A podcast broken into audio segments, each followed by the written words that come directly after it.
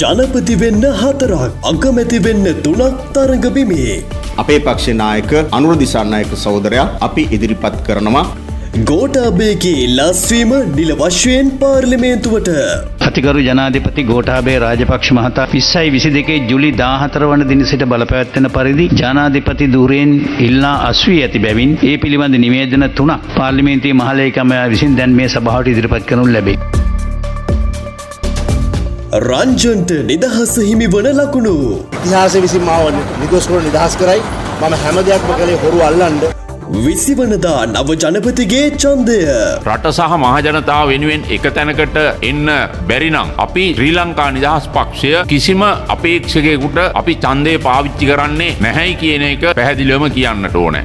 වඳුරු උන ඉන්දියාවටත් positive case is reported and he's a traveler from his uh, UAE. Sri Lanka පකිස්ථානු test තරගේ ඇරබේ.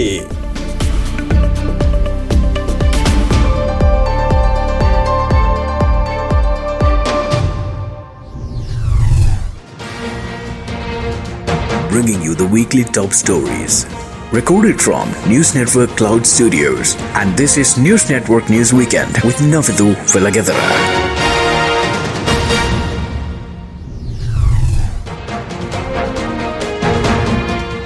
අයිබෝවන් නිවස් network සතියන්ත ප්‍රධාන ප්‍රවෘති විකාශය සමගින් මම නවිදූ වෙලකෙතර. ප්‍රථමය නවධානය දේශීපුවත් වෙතට. ජනපති වෙන්න හතරක් අගමැති වෙන්න තුනක් තරඟබිමේ. නව ජනාධිපති දුරේ සඳහා පාර්ලිමේන්තුවේ සියකොන් සටනක් නිර්මාණය වී ඇතැයි වාර්තාාවනවා. වැඩවල් ජනාධිපති රනිල් වික්‍රමසිංහ විපක්ෂනායක සජිත් ප්‍රේමදාස ශ්‍රී ලංකා පොද්ජන පෙරමුණේ හිටපු අමාත්‍ය ඩලස් අලහපිරුම සහ ෆිල්ඩ් මාශුල් සරත් ෆොන්සේක යන මහතුරුන් අතර මෙම සටන නිර්මාණය වී ඇතැයි දේශපාලන ආරංචි මාර්ග සඳහන් කරනවා. ඔවුන් සිව් දෙනාම ජනාධිපතිදුරයට පත්වීම් සඳහා මන්ත්‍රීවරුන් දිනා ගැනීමේ මෙහුමක් ආරම්භ කර ඇතැයි වාර්තාාවනවා. රනිල් වික්‍රම් සිංහ මහතා ජනාධපතිදුරයට පත්කිරිම් සඳහා ශ්‍රී ලංකා පොදුජන පෙරමුණේ ප්‍රබලීන් කිප දෙනෙකු මැදිහත් වී සිටින අතර ඔහුට සමග ජනවලපයගේ මන්ත්‍රීවරුන්ගේ සහහිදිනා ගැනීම සඳහාම පක්ෂී ආණ්ඩුවටෙක්කු ඇමතිවරුන් දෙදෙනෙකු මූලිකත්වයගෙන සිටින බවද වාර්තාාවනවා. විපක්ෂනායක සජිත් ප්‍රේමදාස මහතා ජනාධපතුරයා ලෙස පත්කර ගැනීම සඳහා පක්ෂී ප්‍රබලීන් දැඩි වෙහසක් ධර්මයෙන් සිටින අතර අනුර ප්‍රදර්ශන යාපා මහතාගේ නායකත්වෙන් යුත් කණ්ඩායමක්ද ඔහුට සහිදීමේ සූදාන්මක සිටින බවද වාර්තාාවනවා. මෙ අතර ඩල සලහපැරු මහතා ජනාධිපති දුරයට පත්කරගෙන් සඳහා මන්ත්‍රීවරුන් දිනා ගැනීමේ මෙහුම පොහොට්ටුවේ මන්ත්‍රී කණ්ඩායමක් විසින් සිදුකුණු ලබන අතර හවුල් පක්ෂණවේ කණ්ඩායමක්ද අලහපෙරු මහතාට සහහිදීමේ සූදානමක සිටින බවද දැනගන්නට ලැබෙනවා. මේ තත්ව හමුවේ ශ්‍රී ලංකා නිදහස් පක්ෂී මන්ත්‍රී කණ්ඩායමද පාර්ශ්‍ය තුනකට බෙදී ඇතැයි බව වාර්තාාවනවා. එම පක්ෂයේ මන්ත්‍රීවරුන් කීප දෙනෙකු රනිල් වික්‍රමසිංහ මහතාටද තවත් කීප දෙනෙකු සජිත් ප්‍රේමදාස මහතාටද තවත් කීප දෙනෙකු ඩලස් අලාපෙරු මහතාටද සහහිදීමේ පිළිවෙතක සිටින බවද දැනගන්නට ලැබෙනවා. මේ අතර නව ආණ්ඩුවේ අක්‍රමාති දුරේ සඳහා මන්ත්‍රීවරුන් කීප දෙනෙකු සිය සුදුස්කම් ඉදිරිපත් කරමෙන් සිටින බවද දැනගන්නට ලැබෙනවා. සභානායක දිනේශ් ගුණවර්ධන අනුර ප්‍රදර්ශනය අපා සහ පාටලි චම්පිකරණවක යන මහතුරුන් අගමැතිදුරේ අපේක්ෂාවෙන් සිටින බවද දැනගන්නට ලැබෙනවා. පොදු ජන පෙරුණේ ඉන්නවන තවදුරටත් රටේ දේශපාලනය කළ යුතුයි කියලා හිතනය ඔවුන් පියවරක් පස්සට අරගෙන අරගලේ ක්‍රියාකාරී සැලැස්ම මූලික පදනං වලට අනුව කටයුතු කරන්නයි ඔවුන්ට තියෙන. රටේ අරාජිකත්වය මතු නොවෙන්න නම් රට ස්ථාවර වෙන්න නම් කරන්න තියෙන පළවෙනිම කාරණය තමයි අරගලයත් එක්ක සම්මුතිගත වෙන්නේ. අපට නිර්දේශනය කවුද ජනාධිපති වෙන්නේ අගමැති වෙන්නේ කියලා. නමුත් අපි කැමති නිර්පාක්ෂික ජනාධිපතිවරයෙක් පත් වෙනවා නම් කිසිවෙක් රට ඉදිරියට ගෙනියන ප්‍රතිපත්ති මාලාව පැහැදිලිව ජාතියට කියලා නෑ. ඒ පැහැදිලිව ජාතියට කියපු එකම නායකයා තමයි රනිල් වික්‍රමසිංහ වර්තමානයේ වැඩ බලන ජනාධිපතිතුමා. දැන් එතුමා පැහැදිලිව ප්‍රකාශ කරා යන්න තියෙන පාර. මේ තරගේ ඇති වුණාම එකඟතාවය ඇති වෙන්නේ නැහැ. නමුත් අපි ඒ උත්සාහය සම්පූර්ණයෙන්ම අතහැරලා නැහැ. අපි දැනුත් ඒ වෙනුවෙන් මැදිහත් වෙනවා. නමුත් දිගින් දිගටම එවැනි එකඟතාවයට එන්න බැරි නම් ජාතික ජන බලවේගයේ විදිහට මේ රටේ සුවහසක් ජනතාවගේ අනාගත බලාපොරොත්තු වෙනුවෙන් අපේ මැදිහත් වීම අත්‍යවශ්‍ය වෙනවා. අන්න ඒ උමනාව ඉටු කිරීම සඳහා පාර්ලිමේන්තුවේ පැවැත්වෙන ජනාධිපතිවරයා තීරීමේ ඡන්දයේදී ජාතික ජන බලවේගය නියෝජනය කරමින් අපේ පක්ෂේ නායක අනුර දිසානායක සහෝදරයා අපි ඉදිරිපත් කරනවා. මේ මැතිවරණයට ඉදිරිපත් ඉදිරිපත් වන අපේක්ෂකයින් කීප දෙනෙක් නිසා අපිට එක්කෙනෙක් පිළිබඳව නම් කිසිදු ප්‍රශ්නයක් නැහැ එක් අපේක්ෂකයෙක් ඉදිරිපත් වුණා නම් ඒ අපේක්ෂකයා අපිට හොඳද නරකද කියන එක තීන්දුව කරලා අපිට ඒ තීරණයක් ගන්න තිබුණා අපි ඡන්දේ පාවිච්චි කරනවද නැද්ද කියන එක. නමුත් මේ අපේක්ෂකයින් හතර දෙනෙක් එහෙම නැත්නම් ඊට වඩා සමහර විට වැඩි වුණොත් අඟහරුවාදා වෙන විට කවුරුන් හෝ ජයග්‍රහණය කරන්න එක්කෙනයි. ඒ එක්කෙනෙක් ජයග්‍රහණය කිරීම තුළ අනික් සියලු දෙනාම ඒ ජයග්‍රහණය කරන කෙනාට සහයෝගය දීම අනාගතයේදී ඉදිරියේදී වළකිනවා. එහෙම වුණොත් මේ රට අද පත් වෙලා තිබෙන තත්ත්වයෙන් රට මුදවා ගැනීම සඳහා පාර්ලිමේන්තුවේ සිටින 225 සමගියක් නැත්නම් රට ගැන ආදරයක් නැත්නම් ජනතාව ගැන හැඟීමක් නැත්නම් ජනතාවගේ වේදනාකාරී පීඩාකාරී මේ මහා රට තුළ ඇති වෙලා තිබෙන අර්බුදකාරී තත්ත්වය පිළිබඳව මේගොල්ලන්ට අවබෝධයක් නැතුව කටයුතු කරනවා නම් ඒක රටේ බරපතල විනාශයක් අනාගතය සඳහා කොහෙත්ම මේ රට ගොඩ ගන්න පුළුවන්කමක් නැහැ. ගෝටාබේගේ ලස්වීම නිල වශ්වයෙන් පාර්ලිමේන්තුවට ජනාධිපතිතුරේ නිල්ලාස්වන බවට ගෝටාබේ රාජපක්ෂ මහතායෝ නිල නිවේදනයේ කතානායක මහින්දයාපාබේ වර්ධන මහතා විසින් ඊයදිනේදී නිල වශ්වයෙන් පාර්ලිමේන්තුවට ප්‍රකාශ කරනු ලැබවා. කතානායකවරයා පාර්ලිමේන්තුට ඉදිරිපත් කළ මාධ්‍ය නිවේදනය සඳහන් වන්නේ එනම් පුටා ගැනීම. ශ්‍රී ලංකා ප්‍රජාතාන්ත්‍රික සමාජවාදී ජනරච්චුවේ අනුක්‍රම ව්‍යවස්ථාවේ තිස් සටෙන් එක වගන්ති ප්‍රකාරව අතිකරු ජනාධිපති කෝටාබේ රාජපක්ෂ මැතිතුමා විසින් නිවන ලද ඉල්ලාස්වීමේ ලිපිය මාවිත ලැබී ඇත. යනුව දෙදහස් විසි දෙකේ ජූලි මසදා හතරවන දින සිට ජනාධිපතිවරයා සියදූරේ නීත්‍යනුකූලව ඉල්ලා අස්වී ඇත. යනුව මෙතැන් පටන් නව ජනාධිපතිවරයෙකු තෝරාපත් කර ගැනීමේ විවස්ථාමය ක්‍රියාදාමය ක්‍රියාත්මක වනු ඇත. එම ක්‍රියාදාමය අවසන් වනතෙක් ජනාධිපතිතුරේ බලතල කාර්ය සහ කරතව්‍ය ක්‍රියාත්මක කිරීම සහ ඉටු කිරීම සඳහා විවස්ථා ප්‍රකාරව අග්‍රමාතිවරයා කටයුතු කරනු ඇත. නව ජනාධිපතිවරයා තෝරාපත් කර ගැනීම පක්ෂනායක රැස්වීමේදී මා විසින් සීලු පක්ෂනායකින් දැනුවත් කළ ආකාරයට එක්දස් නමසියාසුව එක අංක දෙකදරන ජනාධිපතිවරයා තෝරාපත් කර ගැනීමේ විශේෂ විධවිධාන පනත සහ ආණ්ඩුක්‍රම ව්‍යවස්ථාවේ හතලිස් වන වගන්ති ප්‍රකාරව ක්‍රියාත්මක කරනු ලැබේ. මෙම ක්‍රියාදාමය ඉතා ඉක්මනින් සාර්ථකව අවසන් කිරීම මාගේ අරමුණයි. දකුණු ආසියාවේ පැරණතම ප්‍රජාතන්ත්‍රවාදී රොටක් ලෙස ආඩම්බර වන අප රටේ මෙම ක්‍රියාදාමය උපරිම ප්‍රජාතන්ත්‍රවාදී රාමුවක් තුළ හා විනවිධ භාවයකින් ක්‍රියාත්මක කිරීම අප රටේ පමණක් නොව ලෝක දේශපාල නිතිහාසයටද වැදගත් ඓතිහාසික සිදුවීමක් වනු ඇත. එබවින් මෙම ප්‍රජතන්ත්‍රවාදී ක්‍රියාදාමයට උපරිම සහයෝගය ලබාදෙන ලෙස සියලු පක්ෂනායකින්ගෙන් රාජ්‍ය නිලධාරන්ගෙන් සහ ආරක්ෂක නිලධාරන්ගෙන් ඉල්ලා සිටිමේ.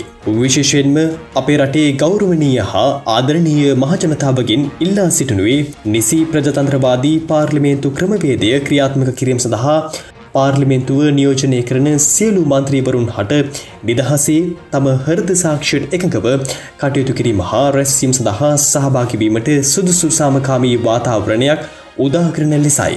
එවැනි සාමකාමී වාතාවරණයක් තුළ සියලු වගවියුත්තන්ගේ සහයෝගය ඇතිව දින හතක් වෙනි කෙටිකාලයක් තුළ මෙම ක්‍රියාදාමය අවසන් කිරීමට මා බලාපොරොත්තු වෙමි. යනුව මේ මස දාසේ වන සෙනසුරාදා දින පාර්ලිමේන්තුව රැස්වන බවත් සියලු මන්ත්‍රීවරුන්ට සහභාගිමන ලෙසත් මෙයින් දැනුම් දෙමි.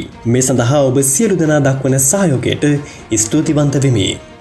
උපුටා ගැනීම අවසන්.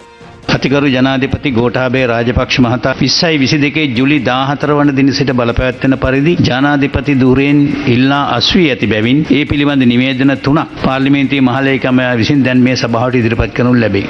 ගරු මන්ත්‍රීවරුනි අතිගරු ජනාධිපති ගෝඨාභය රාජපක්ෂ මහතා 2022 ජූලි මාස 14 වන දින සිට බලපැවැත්වෙන පරිදි ඉල්ලා අස්වීම හේතු කොටගෙන ජනාධිපති ධූරයේ පුරප්පාඩුවක් ඇති වී තිබෙන බව මා විසින් පාර්ලිමේන්තුවට මෙසේ දන්වා සිටිනු ලබන අතරම. ඒ සම්බන්ධයෙන් අතිගරු ජනාධිපති ගෝඨාභය රාජපක්ෂ මහතා විසින් ජනාධිපති ධූරයෙන් ඉල්ලා අස්වීම දන්වමින් ගරු කතානායකතුමා වෙත එවන යවන ලද දෙදස් විසි දෙක ජූලි මස දාහතරවෙනි දිනැති ලිපිය දැන් මෙම ගරු සභාවට කියවනු කැමැත්තෙමි. ගරු කතානායකතුමනි ජනාධිපති දූරයෙන් ඉල්ලා අස්වීම. ශ්‍රී ලංකා ප්‍රජාතාන්ත්‍රික සමාජවාදී ජනරජයේ හත්වන විදායක ජනාධිපතිවරයා වශයෙන් ආණ්ඩුක්‍රම විවස්ථානුකූලව ප්‍රතිඥාවන් දී දෙදස් දහනමය නොවැම්බර මස දහට වන දින ආවිසින් එම දූරයේ රාජකාරි භාරගන්නා ලදී. ජනාධිපති දූරයේ රාජකාරී ආරම්භ කර මාස තුනක් ගතවීමට පෙර මුළු මහත් ලෝකයටම බැලපය කෝවිඩ්-19 මාරාන්තික වසංගත තත්වයට මුහුණ දීමට අප රටටද සිදු වූ අතර එකී වසංගත තත්වයෙන් ජනතාව ආරක්ෂා කර ගැනීමට මාහට හැකිවීම සතුටට කරුණකි. එමෙන්ම කෝවිඩ්-19 වසංගත තත්වයෙන් 2020 සහ 2021 වර්ෂවල වරින් වර රට වසා දැමීමට සිදුවීම හේතුවෙන් වසර ගණනාවක් තිස්සේ වර්ධනය වෙමින් පැවති ආර්ථික අර්බුදය තවදුරටත් වර්ධනය වීම සහ විදේශ විනිමය හිඟයකට මුහුණ දීමට අප රජයට සිදුවිය. ඒ තුලින් ඇති වූ අස්ථාවරත්වයන්ට විසඳුමක් සෙවීම සඳහා පාර්ලිමේන්තුව නියෝජනය කරන සියලු දේශපාලන පක්ෂ නායකයින්ට ආරාධනා කරමින් සර්වපාක්ෂික හෝ ජාතික ආණ්ඩුවක් පිහිටුවීමට මවිසින් හැකි සෑම උත්සාහයක්ම ගන්නා ලද අතර ඒ සඳහා ගත හැකිව තිබූ හොඳම පියවරයන් ගන්නා ලද බව මගේ පෞද්ගලික විශ්වාසය වේ. පොදු ජනතාවගේ ඉල්ලීම 2022 ජූලි මාස 9 වැනි දින ඇති ලිපිය මගින් ඔබතුමා විසින් මා වෙත දැනුම් දුන් පාර්ලිමේන්තුවේ පක්ෂ නායකින්ගේ ඉල්ලීම අනුව ශ්‍රී ලංකා ප්‍රජාතාන්ත්‍රික සමාජවාදී ජනරජයේ ආණ්ඩු ක්‍රම ව්‍යවස්ථාවේ 38 එක ආ ව්‍යවස්ථාව ප්‍රකාරව ජනාධිපති ධූරයෙන් 2022 ජූලි මාස 14 වන දින සිට ක්‍රියාත්මක වන පරිදි ඉල්ලා අස්වන බව මෙයින් දැනුම් දෙමි.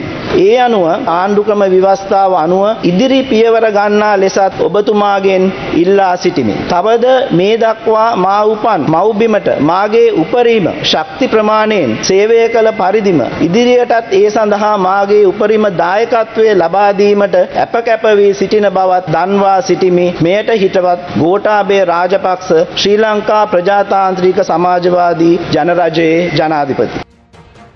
විසිවනදා අලුත් ජනාධිපති චන්දය ලබන අඟහරුවාදා වන විට නව ජනාධිපතිවරයා තෝරාගෙන සඳහා වශ්‍ය නාම යෝජනා භාරතීම අවසන් කරන ලෙස දන්වා සිටිනවා. ඉන් පසු එළබෙන ලබන බදාදාදින එනම් විසිවන බදාදාදින නව ජනාධිපරයකු තෝරා පත්කරගෙන සඳහා චන්ද විමසීව පාර්ලිමේන්තු තුළ ක්‍රියාත්ම කරනු ලබන බව පාර්ලිමේන්තු වාරංචි මාර්ග සඳහන් කරනවා. රංජන් රාමණයකට නිදහස හිමිවන ලකුණු. හිටපු පාර්ලිමේන්තු මන්ත්‍රී රංජන් රාමණයකට නිදහස ලබාදීමට අවශ්‍ය කටයුතු කඩිනමින් සිදු කරන ලෙස වැඩබලන ජනාධිපති රනිල් වික්‍රමසිංහ මහතා උපදෙස් ලබා දී තිබෙනවා. ඒ පාර්ලිමේන්තු මන්ත්‍රීවරුන් වන හරින් ප්‍රනන්දු සහ මනුෂ්‍ය නායකකාර යන මන්ත්‍රීවරුන්ගේ ඉල්ලීමකට අනුවයි. කිසිදු අපේක්ෂකෙකුට සහය නොදෙන බව හිටපු ජනාධිපති මෛත්‍රීපාල සිරිසෙන මහතා ප්‍රකාශ කරයි. ජනාධිපති අපේක්ෂකත්වයට තරඟ කරන කිසිදු අපේක්ෂකෙකුට සහය නොදීමට ශ්‍රී ලංකා නිදහස් පක්ෂය තීරණය කර තිබෙනවා. යනුව ලබන බදාදා පැවැත්වන මැතිවරණයේදී කිසිදු අපේක්ෂකෙකු වෙනුවෙන් ඡන්දය භාවිත නොකරන බවයි නිදහස් පක්ෂ සභාපති හිටපු ජනාධිපති මෛත්‍රීපාල සිරිසෙන මහතා කියා සිටින්නේ.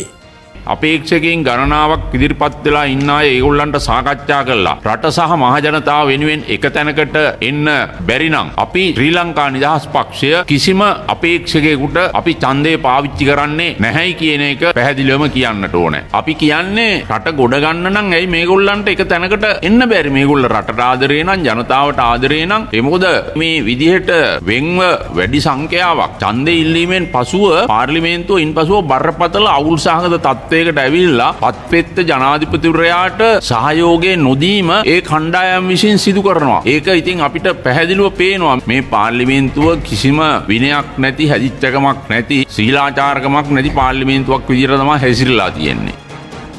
ගාලුමෝදොර ජනතා අරගලයට අදට දින සීයයි. ගාලමෝදොර ක්‍රියාත්මක ගෝටාගෝකම ජනතා අරගලයට අදට දින සීයක් සපිරෙනවා. අරගලි වෙනුවෙන් දිවිපිදූ පුද්ගලීන් සීපත් කරමින් නිටිපන්දන් දල්වා ඊරාත්‍රී සැමරුමක්ද පැවැත්වනා. ඒ අරකලකරුවන් සිවිල් ක්‍රියාකාරයෙන් ෘතිය සමිතිනායකින් ඇතුළු පිරිසකගේ සභාගිත්වෙන්.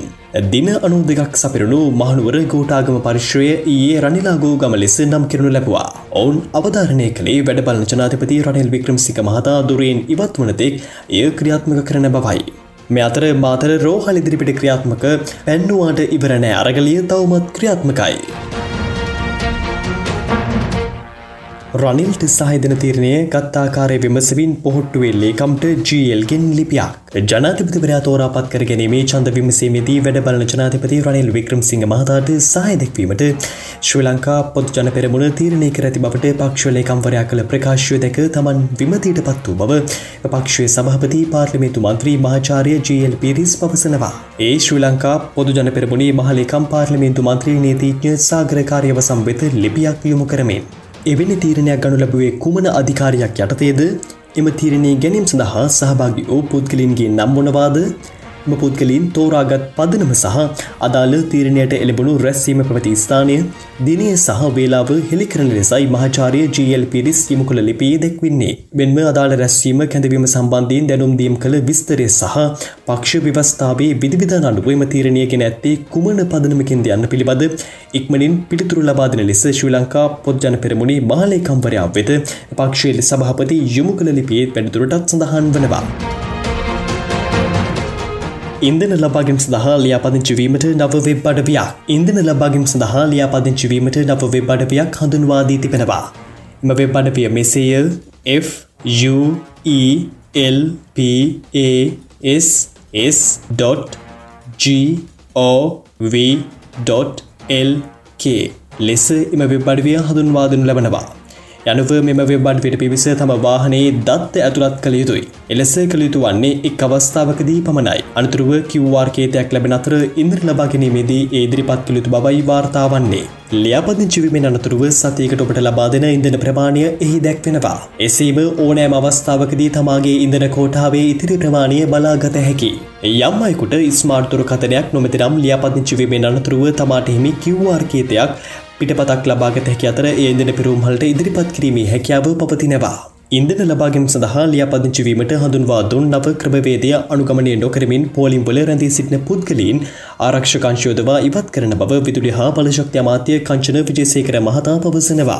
යනුව මේ පරිවිට පෝලිම්වල රැඳී සිටින පුද්ගලීන්ද නව ක්‍රමවේදයට ලියාපදිංචි විය යුතුයි. එසේ නුනහොත් ඕනටද ඉන්ද්‍ර ලබාදීමක් සිදුවන්නේ නැති බවත් ඔවුන් ඉවත් කිරීමට ආරක්ෂකංශය දෙවීමට කටයුතු කරන බවත් විදුලි හා බලශක්ති අමාත්‍ය කංචන විජේසේකර මහතා වැඩිදුරටත් කියා සිටිනවා.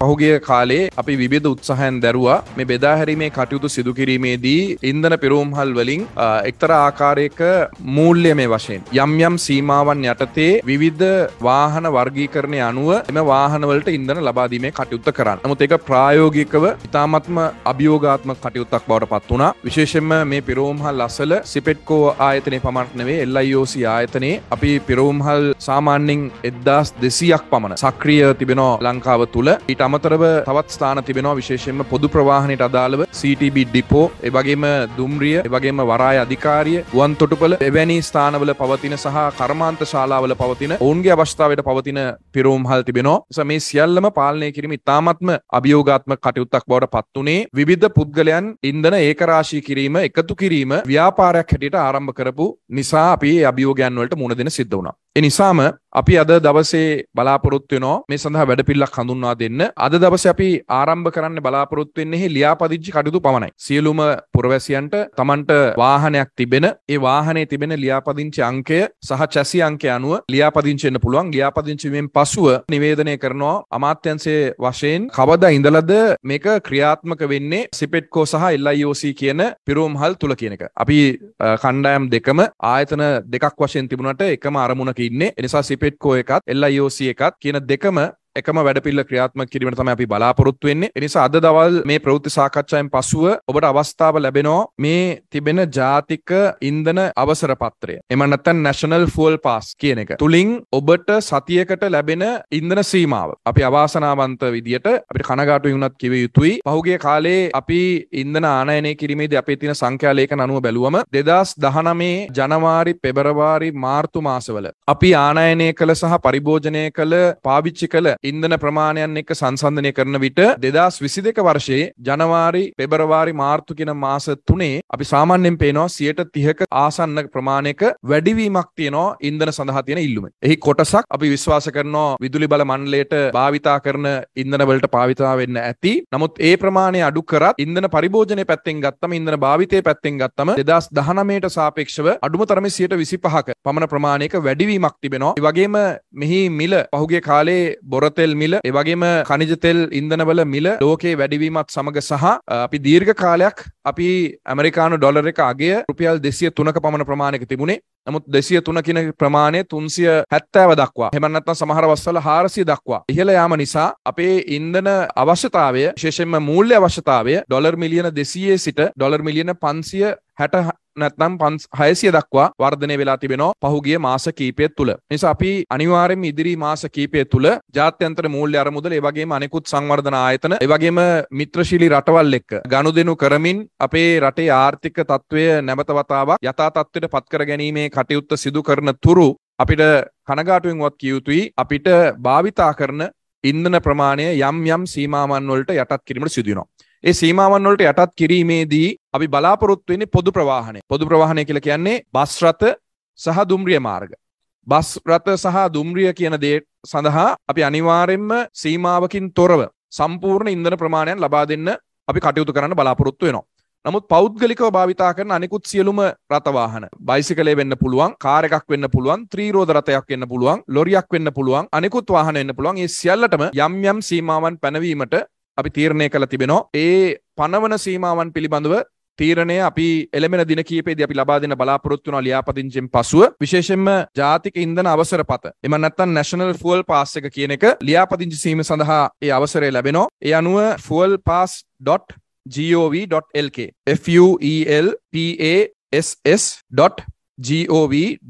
fuelpass.gov.lk කියන වෙබ්සයිට් එකට පිවිසිලා ඕනෑම පුරවැසියෙක්ට තමන්ගේ ජාතික හැඳුනුම්පත් අංකය හෝ තමන්ගේ තිබෙන ගුවන් ගමන් බලපත්‍ර අංකය ඒ දෙකම නැත්නම් තමන්ගේ තියෙන ව්‍යාපාර ලියාපදිංචි අංකය. මේ තුන යටතේ තමන්ට ලියාපදිංචි වෙන්න පුළුවන්. ලියාපදිංචි වීමේදී තමන්ගේ විස්තර ගණනාවක් ඉල්ලනවා. විශේෂයෙන්ම තමන්ගේ ලියාපදිංචි තමන්ගේ නම සහ ලිපිනය පිළිබඳව තොරතුරු දුරකතනංක පිළිබඳව තොරතුරු. ඒ වගේම තමන් භාවිතා කරන වාහනය පිළිබඳව. මෙහිදී එකක් වෙන්නේ මේ ලියාපදිංචි කිරීමේ වෙබ් අඩවියට පිවිසීමදී ම විශේෂ මිල්ලීමක් කරනවා. අද දවසේ මේ රට ඉන්න සියලුම පුරවැසියන් මේකට පිවිසිලා ලියාපදිංචි වෙන්න හැදුවොත් එහෙම සමහට අර්බුදයක් ගොඩ නැගේ. එනිසා අපි ඉල්ලීමක් කරනවා. මේක දින තුන හතරක් යනකං ඒ අනුව මේක පාවිච්චි කරන්න. ඉදිරි දින කීපෙම ඔබට අවස්ථාව තියනවා මේ වෙබ් අඩවියට පිවිසිලා. ඉදිරි දින කීපය ඇතුළේ තමන්ට පහසු වෙලාවක මේ වෙබ් අඩවියට පිවිසලා ඒ තමන්ගේ තොරතුරු ලබාදීලා තමන්ගේ වාහනය ලියාපදිංචි කරගෙන ඒ අනුව තමන්ගේ QR කෝඩ් එක ලබා ගන්න කියලා. ඒ QR කෝඩ් එක තමයි තමන්ගේ මීළඟ ඉන්ධන ලබා ගැනීමේදී අපි ඒ දිනය නම් කරාට පසුව තමන්ට ලැබෙන ඉන්ධන ප්‍රමාණය සහතික කරන ලද සතියකට ලැබෙන ඉන්ධන ප්‍රමාණය. ඒක අපි තීරණය කරාට පසුව ඔබට මේ QR කෝඩ් එක තමයි ඔබේ බලපත්‍රය බවට පත්වෙන්නේ අවසර පත්‍රය බවට පත්වෙන්නේ එමනත්තම් පාස්සක බවට පත්වෙන්නේ ඔබට ඉන්දන පිරෝම් හල්වලින් ඉන්දන ලබාගන්න. එක හැඳුනුම් පත් අංකයකට එක ගුවන් ගමන් බලපත්‍ර අංකයකට හෝ එක ව්‍යාපාර අංකයකට ලියාපදිංචි කළ හැක්කේ එක වාහනයක් පමණයි. දැන් උදාහරණයක් ඇරෙට තමන්ට වාහන දෙකක් හෝ තුනක් තිබෙනවා නම් ඒකට ඔබගේ පවුලේ ඉන්න වෙනත් පුද්ගලයෙක්ගේ ගුවන් ගමන් බලපත්‍ර අංකය හෝ හැඳුනුම් පත් අංකයටද ලියාපදිංචි වෙන්න පුළුවන්. නමුත් ඒ ලැබෙන QR කෝඩ් එක ලැබෙන්නේ වාහනේ අංකයත් එක්ක සැසඳෙන QR කෝඩ්යක් හැටියට. එතකොට කවුරු හරි උත්සාහ කරනවා නම් QR කෝඩ්යක් අරගෙන වාහන 10ක් විතර ලියාපදිංචි කළ එකම වාහනේට ඒ තියෙන කෝටා 10ම ගන්න ඒක කරන්න පුළුවන් වෙන්නේ නැහැ. අපි උපදෙස් දීලා තියෙනවා මේ වන විට අපි පිරෝම්හල්වල හිමිකරුවන් ශ්‍රී ලංකා පොලිසිය හමුදාවල ඉන්න නිලධාරීන් ඒ වගේම ප්‍රාදේශීය ලේකම් කාර්ය දිස්ත්‍රික් ලේකම් කාර්යාල ඉදිරි දින තුන ඇතුළ තුල අපි බලාපොරොත්තු වෙන ඔවුන්ට අවශ්‍ය පුහුණුව ලබා දෙන දැනුවත් කිරීම කරන්න ඒ අනුව විශේෂයෙන්ම පිරෝම්හල්වල ඉන්ධන බෙදා හරින ඒ නිලධාරීන්ට ඒ පුහුණුව ලබා දෙන්න විශේෂයෙන්ම ඒ QR කෝඩ් එකට ආවේනික වෙච්ච ඒ වාහනේ ලියාපදිංචි අංකය පමණයි ඒ ඉන්ධන ලබා දීමේ කටයුත්ත කළ හැක්කේ. නිසා අපි විශ්වාස කරනවා සමහරලාට මේකේ ආරම්භක මොහොතේ යම් යම් තව ගැටලු වෙයි. තව පැන නගින ප්‍රශ්නෙයි අපි ඉදිරියේදී ඒ පැන නගින ප්‍රශ්නවලට අවශ්‍යතාවය අනුව වෙනස් වීම කරන්න අපි බලාපොරොත්තු වෙනවා. ජනතාවගේ ජීවන බර අවම කරන්න වැඩබලන ජනපතිගෙන් කඩිනම් සහන වැඩසටහනක්. ආර්ථික පීඩනයට ලක්ව සිටින ජනතාවගේ ජීවන බර අවම කිරීම සඳහා ඉන්දන ගෑස් හා අත්‍යවශ්‍ය ආහාර ද්‍රව්‍ය ලබාදීමට කඩිනම් සහන වැඩසරහනක් ආරම්භ කිරීමට වැඩබලන ජනාධපති රනිල් වික්‍රමසිංහ මහතා තීරණය කර තිබෙනවා. ඊයේ උදෑසන අමාතවරුන් සහ පාර්ලිමේන්තු මන්ත්‍රයවරුන් සමඟ පැවති සාකච්ඡාවකදී එතුමා මේ බව තීරණය කර තිබෙන්නේ. ඊට අමතරව ලබන අගෝස්තු මාසයේදී ඉදිරිපත් කරන සහන අයවැයෙන් සඳහා තවත් අතරේක මුදල් එදවීමට තීරණය කර තිබෙනවා. ආහාර සුරක්ෂතා වැඩසරහනේ ක්‍රියාමාර්ග වේගවත් කර ම ක්‍රියාවලිය ශක්තිමත් කිරීමටද ම සාකච්ඡාවේදී වැඩබලන ජනාධිපති උපදිස් ලබාදී තිබෙනවා. විශේෂයෙන්ම ඉන්දන සහ පොහොර ක්‍රමවත්ව මෙන්ම කඩනමින් ලබාදීමටද මෙහිදී අවධානයේ මෝතිබෙනවා. එමෙන්ම තම ව්‍යාපාර බාධාවකින් තොරව පවත්වාගෙන යාමට අවශ්‍ය පරිසරය ව්‍යාපාරිකින්ට සකස් කරදීම කිරේද මෙම සාකච්ඡාවේදී යෝජනාවී තිබෙනවා. මෙ අතර සාමකාමී අරගලනායකින් විසින් භාරදී ඇති යෝජනාවලිය සඳහන් මහජන කවුන්සලිය හොඳ යෝජනාවක් ලෙස පිළිගන්නා බව වැඩබලන ජනාධිපති රනිල් වික්‍රමසිංහ මහතා එම සාකච්ඡාවේදී සඳහන් කළා. එමෙන්ම දූෂණීය මැඩලීම් සඳහා ගනු ලබන ක්‍රියාමාර්ග පිළිබඳව අර්ගලකරුවන් දැනුම් දෙන බවයි වැඩබලන ජනාධිපති වැඩතුරටත් කියා සිටියේ. ඉන්දන පෝලිමක තවත් මරණයක්. කැකිරාව ඉපලෝකම අයෝස ඉදන හලින් ඉන්ද්‍ර ලබාගම් සඳහා පෝලිමක සිටි පුද්ගලෙකු ඒ පෙරවරුවේ මිය ගොස් තිබෙනවා. එලෙස මිය ගොස් ඇත්තේ වෘතියෙන් ත්‍රීරෝධ රතරීදුරෙක් වන අතර ඔහුගේ වයස අවුරුදු හතලයක් වන බවයි වාර්තා වන්නේ. එම පුද්ගලයා කෙකිරාපරෝ හලට ඇතුළත් කරන අවස්ථාවේදී මිය ගොස් ඇති බවයි පොලිස් විමර්ශනවලදී අනාවරණය වී තිබෙන්නේ.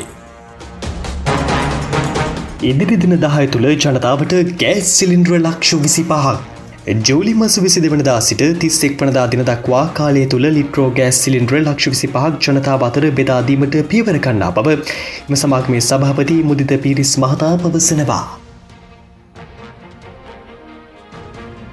දැන් අවධානය විදෙස් පුවත් වෙතට වඳුරු උන ඉන්දියාවට ඉන්දියාවෙන් පළමුවරට වඳුරුණ ආසාධිතයකු හමු වී ඇතයිරට මාධ්‍ය වාර්තා කරනවා. වඳුරුණ ආසාධිතයා වාර්තා වී ඇත්තේ කේරලේනී.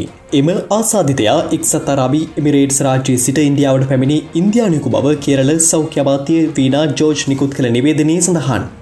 ආසාධිතයා කඩරමින් නිරෝධානයට යොමු කරනු අතර ඔහුගේ පවුලේ අයි සහ ඔහුට සමීප අය හඳුනාගෙන ඔවුන් කෙනත විමසිල්ලෙන් පසුවන බවත් වෙනත් අයිකුට රෝගිය ආසාධනවීමට කිස්තු විඩිකඩක් නොමැති බවත් සෞඛ්‍යමාතිය වීනා ජෝජ් පැහැදිලි කර තිබෙනවා.